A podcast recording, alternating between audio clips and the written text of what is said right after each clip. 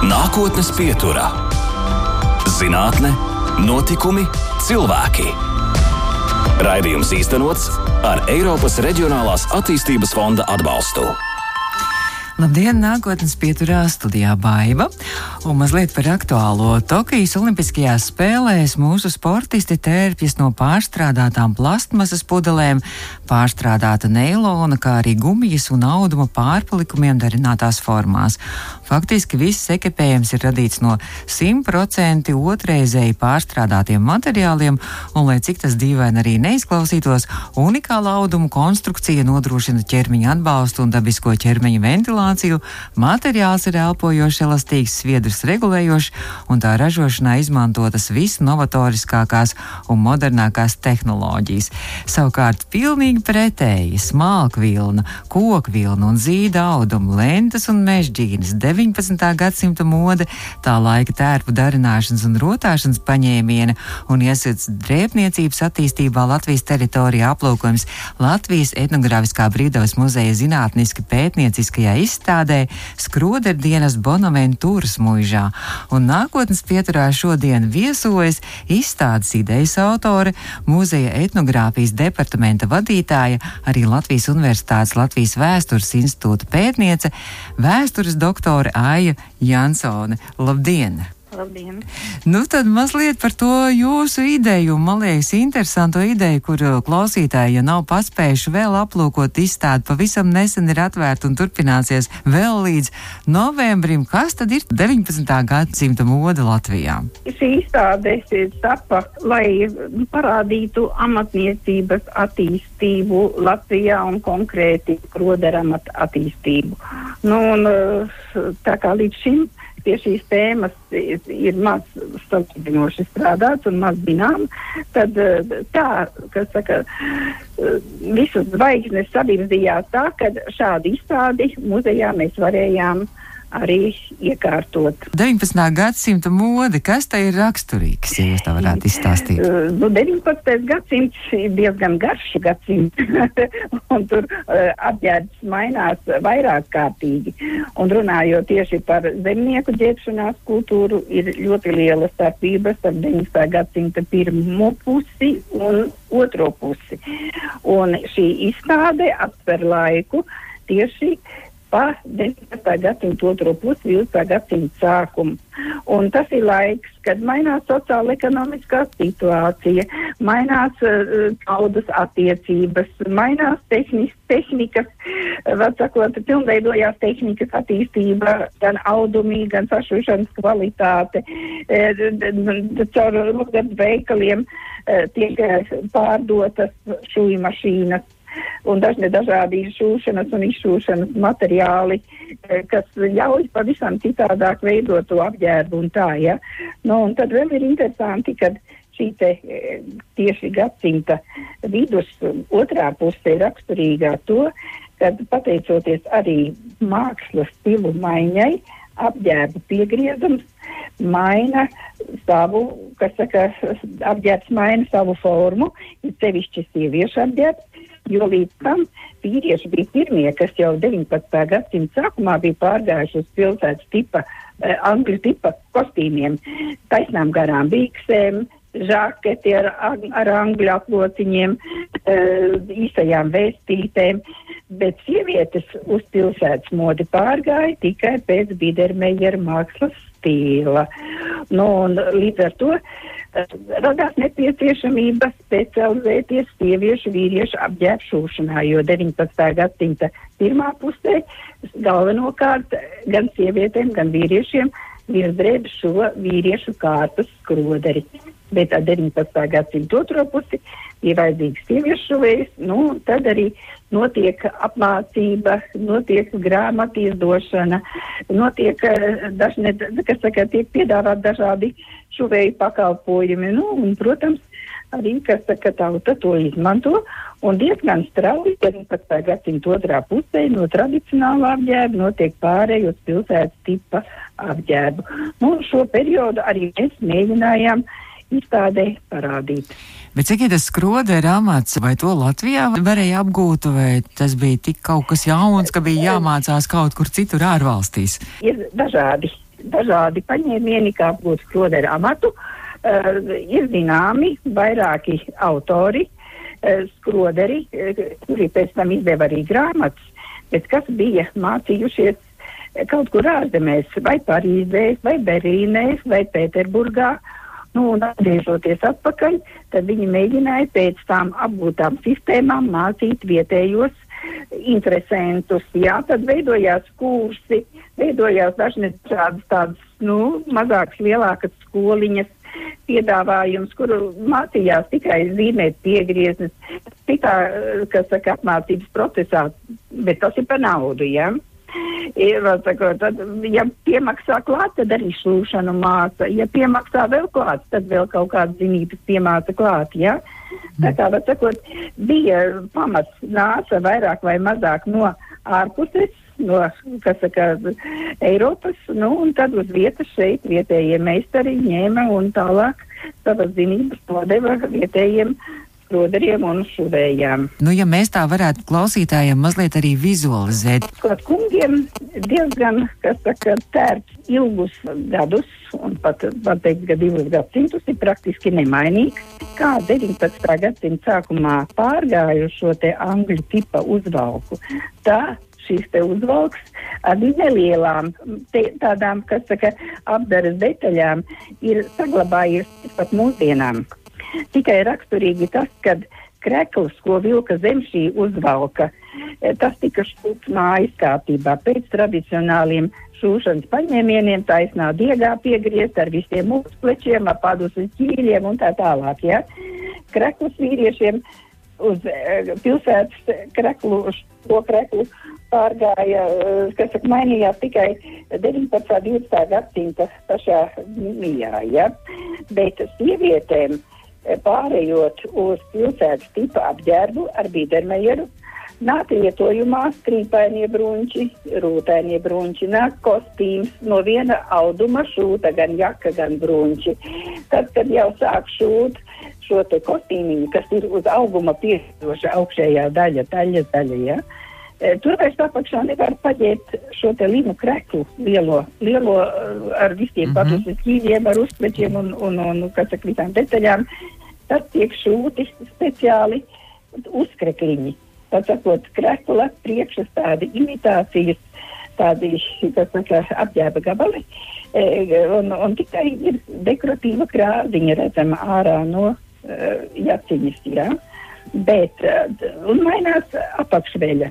Nāk lietojumā pavisam citas taļas, nāk veļas krekli, nāk lietojumā apakšbikses, un, un, un arī, kas saka, pilnīgi nomainās visa, visa apģērba kārta. Man tā liekas, ka mazliet arī varbūt šī izstāde sasaucas, jūs esat ļoti daudz grāmatu arī autori, vai nevarētu būt, ka sasaucas ar šo pētniecisko grāmatu par piebalgu, kāda tā ir, bija un būs, un par piebaldzēnu ģērbšanos kultūru 19. gadsimtā, jo tad es arī papētīju, ka tur arī ir tik bezgala interesanti un daudzveidīgi šie apģērbi, un nemaz ne tā vienkārši, ka katram apģērba gabalam ir savs audums, gan brunčiem, viksēm, priekšautiem, plecu segām, mutaltiem, katrs ir no sava auduma šūts, un, un vīrieši arī tiešām kā tāds modas dāmas, gan ar gariem pusgariem, īsajiem svārkiem, vestēm, manteļiem, kaklautiem un tā tālāk. Vai šī izstāde sasaucas ar šo grāmatu? Ne tikai ar šo grāmatu, ir arī grāmata par, par apģērba attīstību zemgalē 19. gadsimtā, ir arī par Ucevu. Un ir situācija tāda, ka tie lielie, kas saka, centrālie procesi visā Latvijas teritorijā ir ļoti līdzīgi. Atšķirās tikai, nu, saka, detaļas. Atšķirās tur tiešām, saka, eh, audumu varbūt tehniskais izpildījums vai arī krāsa vai, vai apdare vai kaut kāds, eh, kaut kāds īpašs rokdarbs konkrētā vietā vairāk izplatās nekā citā vietā, ja. Bet eh, principā ir tāda tradīcija un tradīcijas kopuma kopumā, sakot, ir ļoti līdzīgas tās lietas, bet divu vienādu apģērbu nebija. Tā kā mūsdienās katrai sievietei gribās atšķirties no otras dāmas, ja, tāpat arī agrāk bija, kad divu vienādu apģērbu nebija. Vai sakarā šo 19. gadsimtu ar modes maiņu mēs kaut ko no tāda sava īpatnējā, sava īpašā latviešu latviskā šarma nezaudējām ģērbšanas stilā? Nu, grūti pateikt. Nu, principā tas, kad notiek pāreja uz šo pilsētas modi, loģiski, ka tie tērpi kļūst līdzīgāki. Nu, vienīgais, kas no, kas no mūsu pašu uh, kas saka, izpratnes paliek, varbūt tā ir krāsa izjūta, mēra izjūta, uh, varbūt, uh, varbūt kaut kāda nianse ģērbšanās kārtībā. Uh, Jā, bet principā jā, visi, visi, visi ar laiku paliek vairāk vai mazāk ļoti, ļoti līdzīgs visā lielā Eiropas teritorijā. Turpināsim pēc brīža arī mūsu sarunu. Tātad nākotnes pieturas attālinātā viešņa šodien ir etnogrāfiskā brīvdabas muzeja departamenta vadītāja, ir Latvijas Universitātes Latvijas vēstures institūta pētniece, vēstures doktora Aija Jansone. Nākotnes pieturā - zinātne Notikumi, cilvēki. Turpinām nākotnes pieturu, un šodien nākotnes pieturas viešņa ir Latvijas etnogrāfiskā brīvdabas muzeja etnogrāfijas departamenta vadītāja, arī Latvijas Universitātes Latvijas vēstures institūta pētniece, vēstures doktora Aija Jansona. Aija, man jāsaka tā, ka es arī papētīju tas, ko jūs esat darījusi savās grāmatās un savā pētniecībā, un tas ir, man liekas, vienkārši ir fantastisks un ārkārtīgi apjomīgs darbs, un turklāt arī jūs esat pats pētniecisko grāmatu autori par mūsu kultūru vēsturisko mantojumu, un pārskatot to klāstu, man arī pārsteidz tas, Un tāds lepnums rodas, cik bagāti mēs esam un kādu skaistumu augstošu un skaistumu mīlošu un čakli un ar mākslinieka dvēseli mēs esam latvieši. Ja ir cimdi, tad ne jau šādi tādi vienkārši valkāšanai, lai rokas nesāst, vajag skaistus ar rakstiem un arī par visu pārējot. Ar izšuvumiem visam ir jābūt un visam ir jābūt pa smuko. Vai jūs piekrītat, ka tā man, man tas novērojums pareizs ir? Nu, katrā ziņā mūsu, kas saka, tautas māksla ir tiešām ļoti bagāta, un, un es jau sāku uztraukties, ka es nemaz nepaspēju visas savas grandiozās ieceres realizēt. jo tiešām pētījuma lauks ir ļoti plašs, un, un iespējas arī, kas saka, mūsdienās ir, ir arī pavisam citādāks. Un, un es tagad arī esmu iesākusi jaunu tēmu. Es gribu sapņot uzrakstīt grāmatu par rokdarbu vēsturi Latvijā. Un kā vienu avotu es gribu izmantot mūsu liturģiskās tekstīlijas. Oh. Jo, jo ļoti daudz rokdarbi savā laikā cauri baznīcām, cauri pilsētām, cauri mužām nāca iekšā Latvijas teritorijā un izplatījās arī tālāk. Un uh, katru gadu, es tagad jau no 12. gada braucu ekspedīcijās uz katoļu dievnamiem uz Latgali. Un katru gadu es atrodu kaut ko ļoti, ļoti interesantu, un, un šogad man laimējās pat. Es, es tā domāju, ka tas ir 17. Eh, gadsimta beigu darinājums redzēt vienā dienamā. Un, uh, tas bija brīnums, ka mūsdienām kaut kas tāds ir saglabājies, bet spriežot pēc uh, izēju materiāla, sašūšanas tehnoloģijas, apdares visai, visiem materiāliem un paņēmieniem, tiešām tas atbilst tam laikam. 17. gadsimta beigas, 18. gadsimta sākums, iedomājieties, cik daudz gadsimtus uh, katoļu dienamos saglabā šīs senās tekstīlijas līdz pat mūsdienām. Un, un, un tas, ir, tas ir ļoti interesanti. Kā nāk modē Eiropā kāds rokdarbs, tā uzreiz tas nāk caur mužu, caur pilsētu, caur baznīcu, parādās, vecākot, vispirms eh, viņu tekstīlijās, un tad pamazām pārņem arī tauta. Ja? Mm. Nu, lūk, un, un, un es gribu, var sakot, šo te posmu drusciņu tuvāk, kas saka, papētīt un paskatīties, kā tas notiek, un beigās, ko tad mēs pieņemam, ko mēs tālāk attīstam, un kas mums paliek, un, un kas mums varbūt, kas saka, nav interesants. Ja? Nu, tur arī izpaužās mūsu mentalitāte, ko mēs, ko mēs saprotam, ko mēs pieņemam, kas mums der ja, kas, mums, mm -hmm. kas mums ir vajadzīgs. Jā. Bet nu, šīs liturģiskās tekstīlijas, kā jūs sakat, tie ir tā kā auduma ar izšuvumiem, vai jā, kā, no kā jā, viņi darināti? Tur ir, tur ir dažādi. Sakot, tur ir gan altārsargas, gan uh, priesteru apģērbi. Jā. Ah. Un, kas saka, priesteru apģērbi, tie pārstāv senāko kultūras slāni, tie ir tas 17. 18. gadsimts, un arī, protams, līdz 20. gadsimta sākumam. Un tad, iztekojot, sakot, zinot, rokdarba attīstības vēsturi Eiropā, var noteikt, kura laika darinājums tas ir. Un tad skatīties, kas un kurā laikā parādās latviešu tautas mākslā. Ja? Nu, lūk, un sevišķi ļoti daudz jauninājumu tieši zemnieku apģērbā mums nāk ar 1860. gadiem. Tas ir tas pats laiks, kas mūsu skrodeļu izstādē tiek rādīts, ja? jo attīstās uh, rokdarbu veikali. Piedāvājums nāk no Eiropas iekšā visdažādākais, ja dažādi materiāli, dažādas tehnikas tiek mācītas. Es rokdarbu veikalos pārdod arī grāmatas, metodiskos līdzekļus, kā strādāt vienu vai otru rokdarbu. Tamborējums ar šo laiku nāk mums iekšā, tīkla darbi nāk iekšā. Rišelie pavisam jauns, tas 19. 20. gadsimta mīja. Tā kā daudzi, zinot šo te rokdarbu vēsturi, daudzi mīti arī par to pašu tradicionālo tautstēpu izgaist. Jo, pieņemsim, Latgales galvas autam nekad mūžā, tad, kad viņu nesāja, netika tamborētas mežģīnas galā, jo tajā laikā to tehniku vienkārši nepazina. Mm. Bija tikai ķīpelētās mežģīnas. Morējums Latvijas teritorijā ir jauns. Ja? Tā kā, Mhm. nu, arī, kas saka, arī ar citām tehnikām ir ļoti, ļoti līdzīgi. Ja? Tā kā ja mēs šobrīd kaut ko gribam darināt, restaurējot it kā tā veco stilu, tad ļoti smalki tur ir dažādas nianses. Tur ir, tur ir drusciņās jāpaskatās, jā. Nu, lūk, un, un tagad, uh, skrienot notikumiem pa priekšu, uh, ir tapis vēl viens mans uh, rakstu darbs, kuru, kuru atvērs tikai 3. augustā. Augustā? Uh, jā.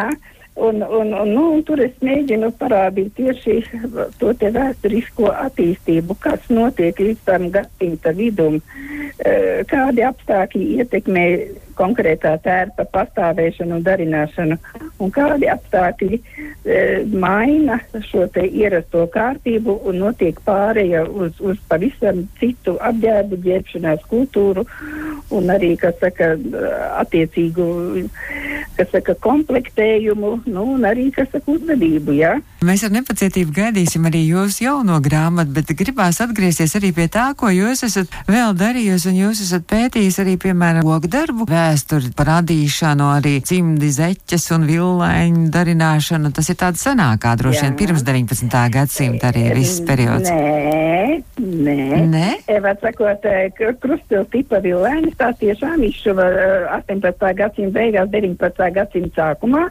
apmēram 30 gadu laikā. Tas ir vienas paudzes laikā, un tas sakrīt ar ampīra stilu Eiropā, ar šīm te ampīra šallēm.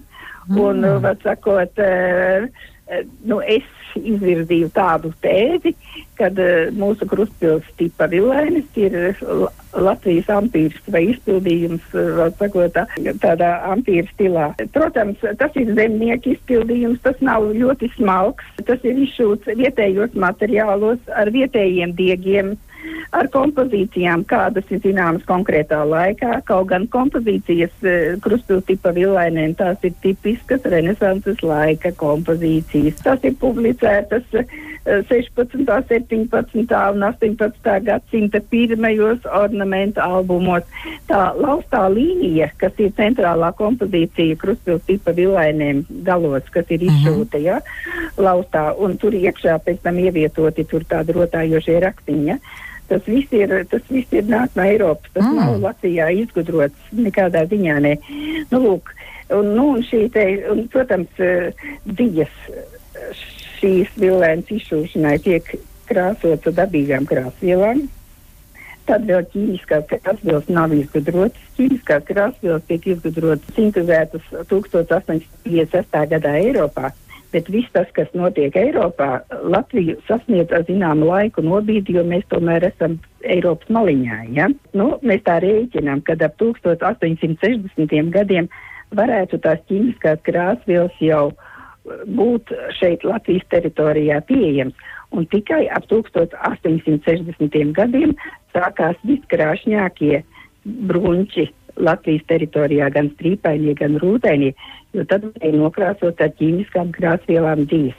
Bet runājot par adījumiem, vēl es gribu pateikt, mm -hmm. ka tas ir mīts. Kad mums bija tie rakstēnie cimdi, 3, 4, 5 gadsimtus, nebija arī rakstēnie cimdi. Mums nāk iekšā, attīstās tā rakstēno cimdu māksla tikai arī ap tiem pašiem 1860. gadiem tad, kad ir pieejami rokdarbu albumi, no kuriem tiek noskatīti raksti. Senākie cimdi ir ar mazākiem rakstījiem, jaunākie cimdi jau nāk ar lielākiem rakstījiem, un tas ir drusciņās, nu, no mana viedokļa tā mūcinoši pateikt, ka tas ir zemgales cimds, tas ir vidzemes cimds, to pateikt nevar. Eh, vienīgi var pateikt to, ka senākie cimdi ir ar sīkākiem rakstiem, jaunākie cimdi ir ar lielākiem rakstiem. Un arī tā ir ja. Eiropa. Arī tā ir Eiropa. Patīk, jo... Vai mums patīk, vai mums nepatīk, mēs esam visu laiku dzīvojuši Eiropā. Eiropas kultūras telpā. Jūs man vienkārši satriecāt, jo uh, gribējās domāt, ka mēs esam unikāli un ka mēs esam tie, kas esam šos cimdu rakstus izdomājuši. Nu, tad taču ir auseklīši un dažādi tie latviskie raksti. Tiešām tas nav mūsu izdomājums. Uh, ziniet, man bija tāda pieredze, kad uh, tad, kad es es aizstāvēju doktora grādu, tad bija iespēja braukt pa Eiropu, pa dažādām uh, valstīm, pat bibliotekā strādāt arhīvos un vākt materiālus. Un Polijā Nacionālā vēstur, vēstures eh, tajā uh, Nacionālajā bibliotekā es uh, uzgāju grāmatiņu, 21. gadā izdotu maziņu ornamentu grāmatiņu poļu valodā, kas bija identiska vēlāko gadu Brastiņa sastādītai grāmatai. Lūk. Jā, tā kā var sakot, tās idejas e, virmoja, kas saka, acīm redzot, pie daudzām tautām ļoti, ļoti līdzīgas, ja, un, un arī, kas saka, pirmie grāmatu autori, nu viņi, nu viņi skatījās, mācījās un ietekmējās viens no otra, ja, uh, Tā kā, nu, atsakot, nu, nav mums tikai saulītes un, un, un, un, un kas saka, ozoliņi. Nu, bija arī poļiem saulītes un, un mēnestiņi un kā tikai vēl nē, ja. Tā kā, nu, tie procesi notiek visās zemēs ļoti, ļoti līdzīgi. Nākotnes pieturā. Mēs turpinām nākotnes pieturu, un šo rādījumu varat uh, klausīties arī mūsu mājaslapā, audio saitē, Latvijas Rādio 2 mājaslapā, un tātad arī podkāstos dažādās lielākajās straumēšanas vietnēs. Un šodien mēs turpinām sarunu ar mūsu attālināto viešņu Latvijas etnogrāfiskā brīvdabas muzeja etnogrāfijas departamenta vadītāju, Latvijas Universitātes Latvijas vēstures institūta pētnieci, vēstures doktoru Aiju Jansonu. Mulīs ar jums varētu runāt, runāt un tik detalizēti jūs par katru mūsu rokdarbu, par katru apģērba gabalu, par katru niansi zinat, bet tieši tas, ka jūs arī šīs savas zināšanas ne tikai grāmatās ieliekat, tā teikt, uz papīra, bet arī šīs zināšanas, es skatos, ka ļoti bieži jūs esat pieprasīti lektori, konsultanti, semināru vadītāji visā Latvijā dažādos vismazākajos pat novados. Nu, kas saka, ja cilvēki par kaut ko interesējās, un es varu izstāstīt to, ko es esmu atradusi, uzgājusi, un, un kā es uz to lietu skatos.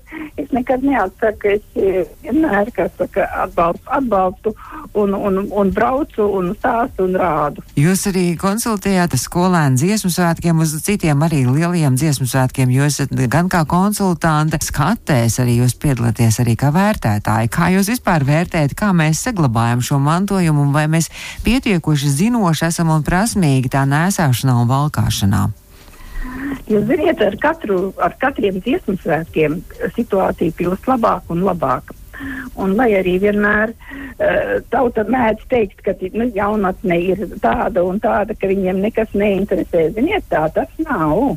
Jaunatnē ļoti interesē, un viņi grib uh, kārtīgi un cik, nu, kas saka, pareizi. Vēsturnieki nesaka pareizi tautstērs, mēs sakam vēsturiskai situācijai pietuvināts, ja, jo pilnīgi atdarināt mēs nevaram un pilnīgi visu arī mēs nezinām. Bet, kas saka, ir tā kopīgā tradīcija, kuras ietvaros tas darbs konkrētā laikā tika darināts. Nu, tad mēs savās, es savās lekcijās mēģinu tautai stāstīt to vēsturisko attīstību, lai nejauc laikus. Lai netaisa asortus, ja, kad uh, gadsimta sākumā viena detaļa apģērba gabals un, un, un gadsimta beigu otrs gabals. Ja. Uh, klasisks piemērs ir, ir uh, krust, uh, lielvārdas uh, tā saucamais tautas tērps. Lielvārdas rūtēnais sarafāniņš šāds sarafāniņš 19. un 20. gadsimta mijā tika šūts visā Latvijas teritorijā. Tāds bija gan apē, gan alūksnē, gan balvos un, un kur nu vēl ne, un, un protams, arī lielvādē. E, neviens jau neapstīt, ka to nenēsāja lielvādē, nēsāja, bet e, šim te sarafāniņam nav nekāda sakara ar lielvārdas jostu, jo lielvārdas jostu auda 18. gadsimtā divi gadsimti starpā. Un tad, kad nēsāju šo sarafāniņu, tās jostas vairs ne, nevalkāja. Ja, tā kā, nu, tā kā uh, nu, ir šī, kas, nu, vērš uzmanību tādām lietām, lai, nu, tomēr domā līdz, ko dara. Ļoti smags tās visas nianses, un sakiet, vai arī, piemēram, Latvijas novados tas atšķīrās, vai atšķīrās arī no iedzīvotāja rakstura, no slinkuma, no čakluma vai no, no rocības? Tas... Uh, Nu, ziniet, es pateikšu tā, ka tāpat kā mūsdienās arī agrāk bija meitenes, kurām rokdarbi bija sūpli ielikti, un bija tādas, kas nevarēja pogu piešūt. Mūsdienas ne ar ko neatšķirās no agrākiem laikiem.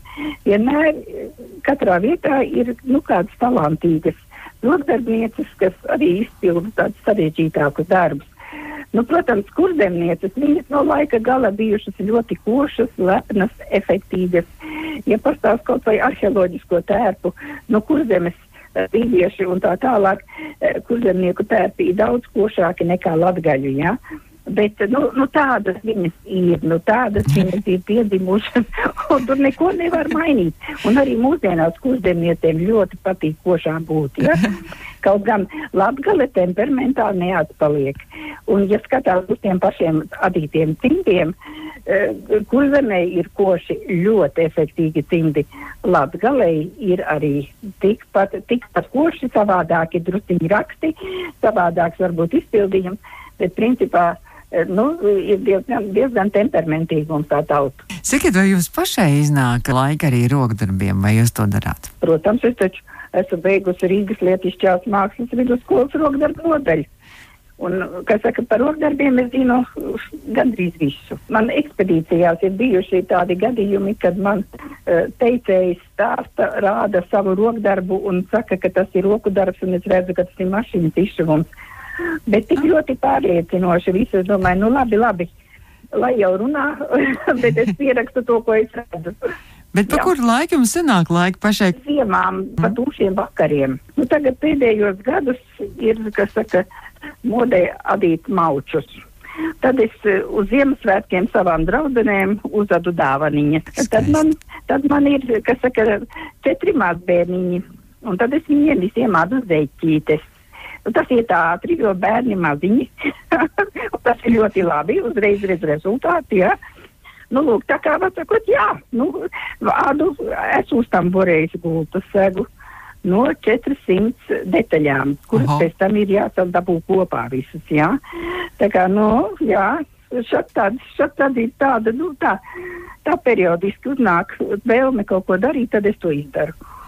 Es saku lielu paldies jums, ka jūs atradāt laiku arī Latvijas Rādio 2 un nākotnes pieturai. Tā kā sēsdienā, brīvdienā mūsu rādījums skan, ko jūs ieteikt mūsu klausītājiem, vai sēsties pie kāda roka darba vai kaut ko citu, kā izbaudīt šo brīvdienu? Nu, sestdienās, svētdienās lūdzu nākat uz etnogrāfisko brīvdabas muzeju, skatāmies izstādi Skroderdienas Bonaventuras mužā, un mēs muzejā plānojam septembrī trīs publiskās lekcijas par šo te tēmu. Tā kā sekojiet informācijai un, un kas saka, nākat uz muzeju. Liels paldies jums! Mēs dosimies uz muzeju un saku paldies mūsu šodienas nākotnes pieturas viešņai, etnogrāfiskā brīvdabas muzeja etnogrāfijas departamenta vadītājai, vēstures doktorei Aijai Jansonai. Saku jums paldies! Izskan nākotnes pieturā. Raidījums īstenots ar Eiropas Reģionālās attīstības fonda atbalstu.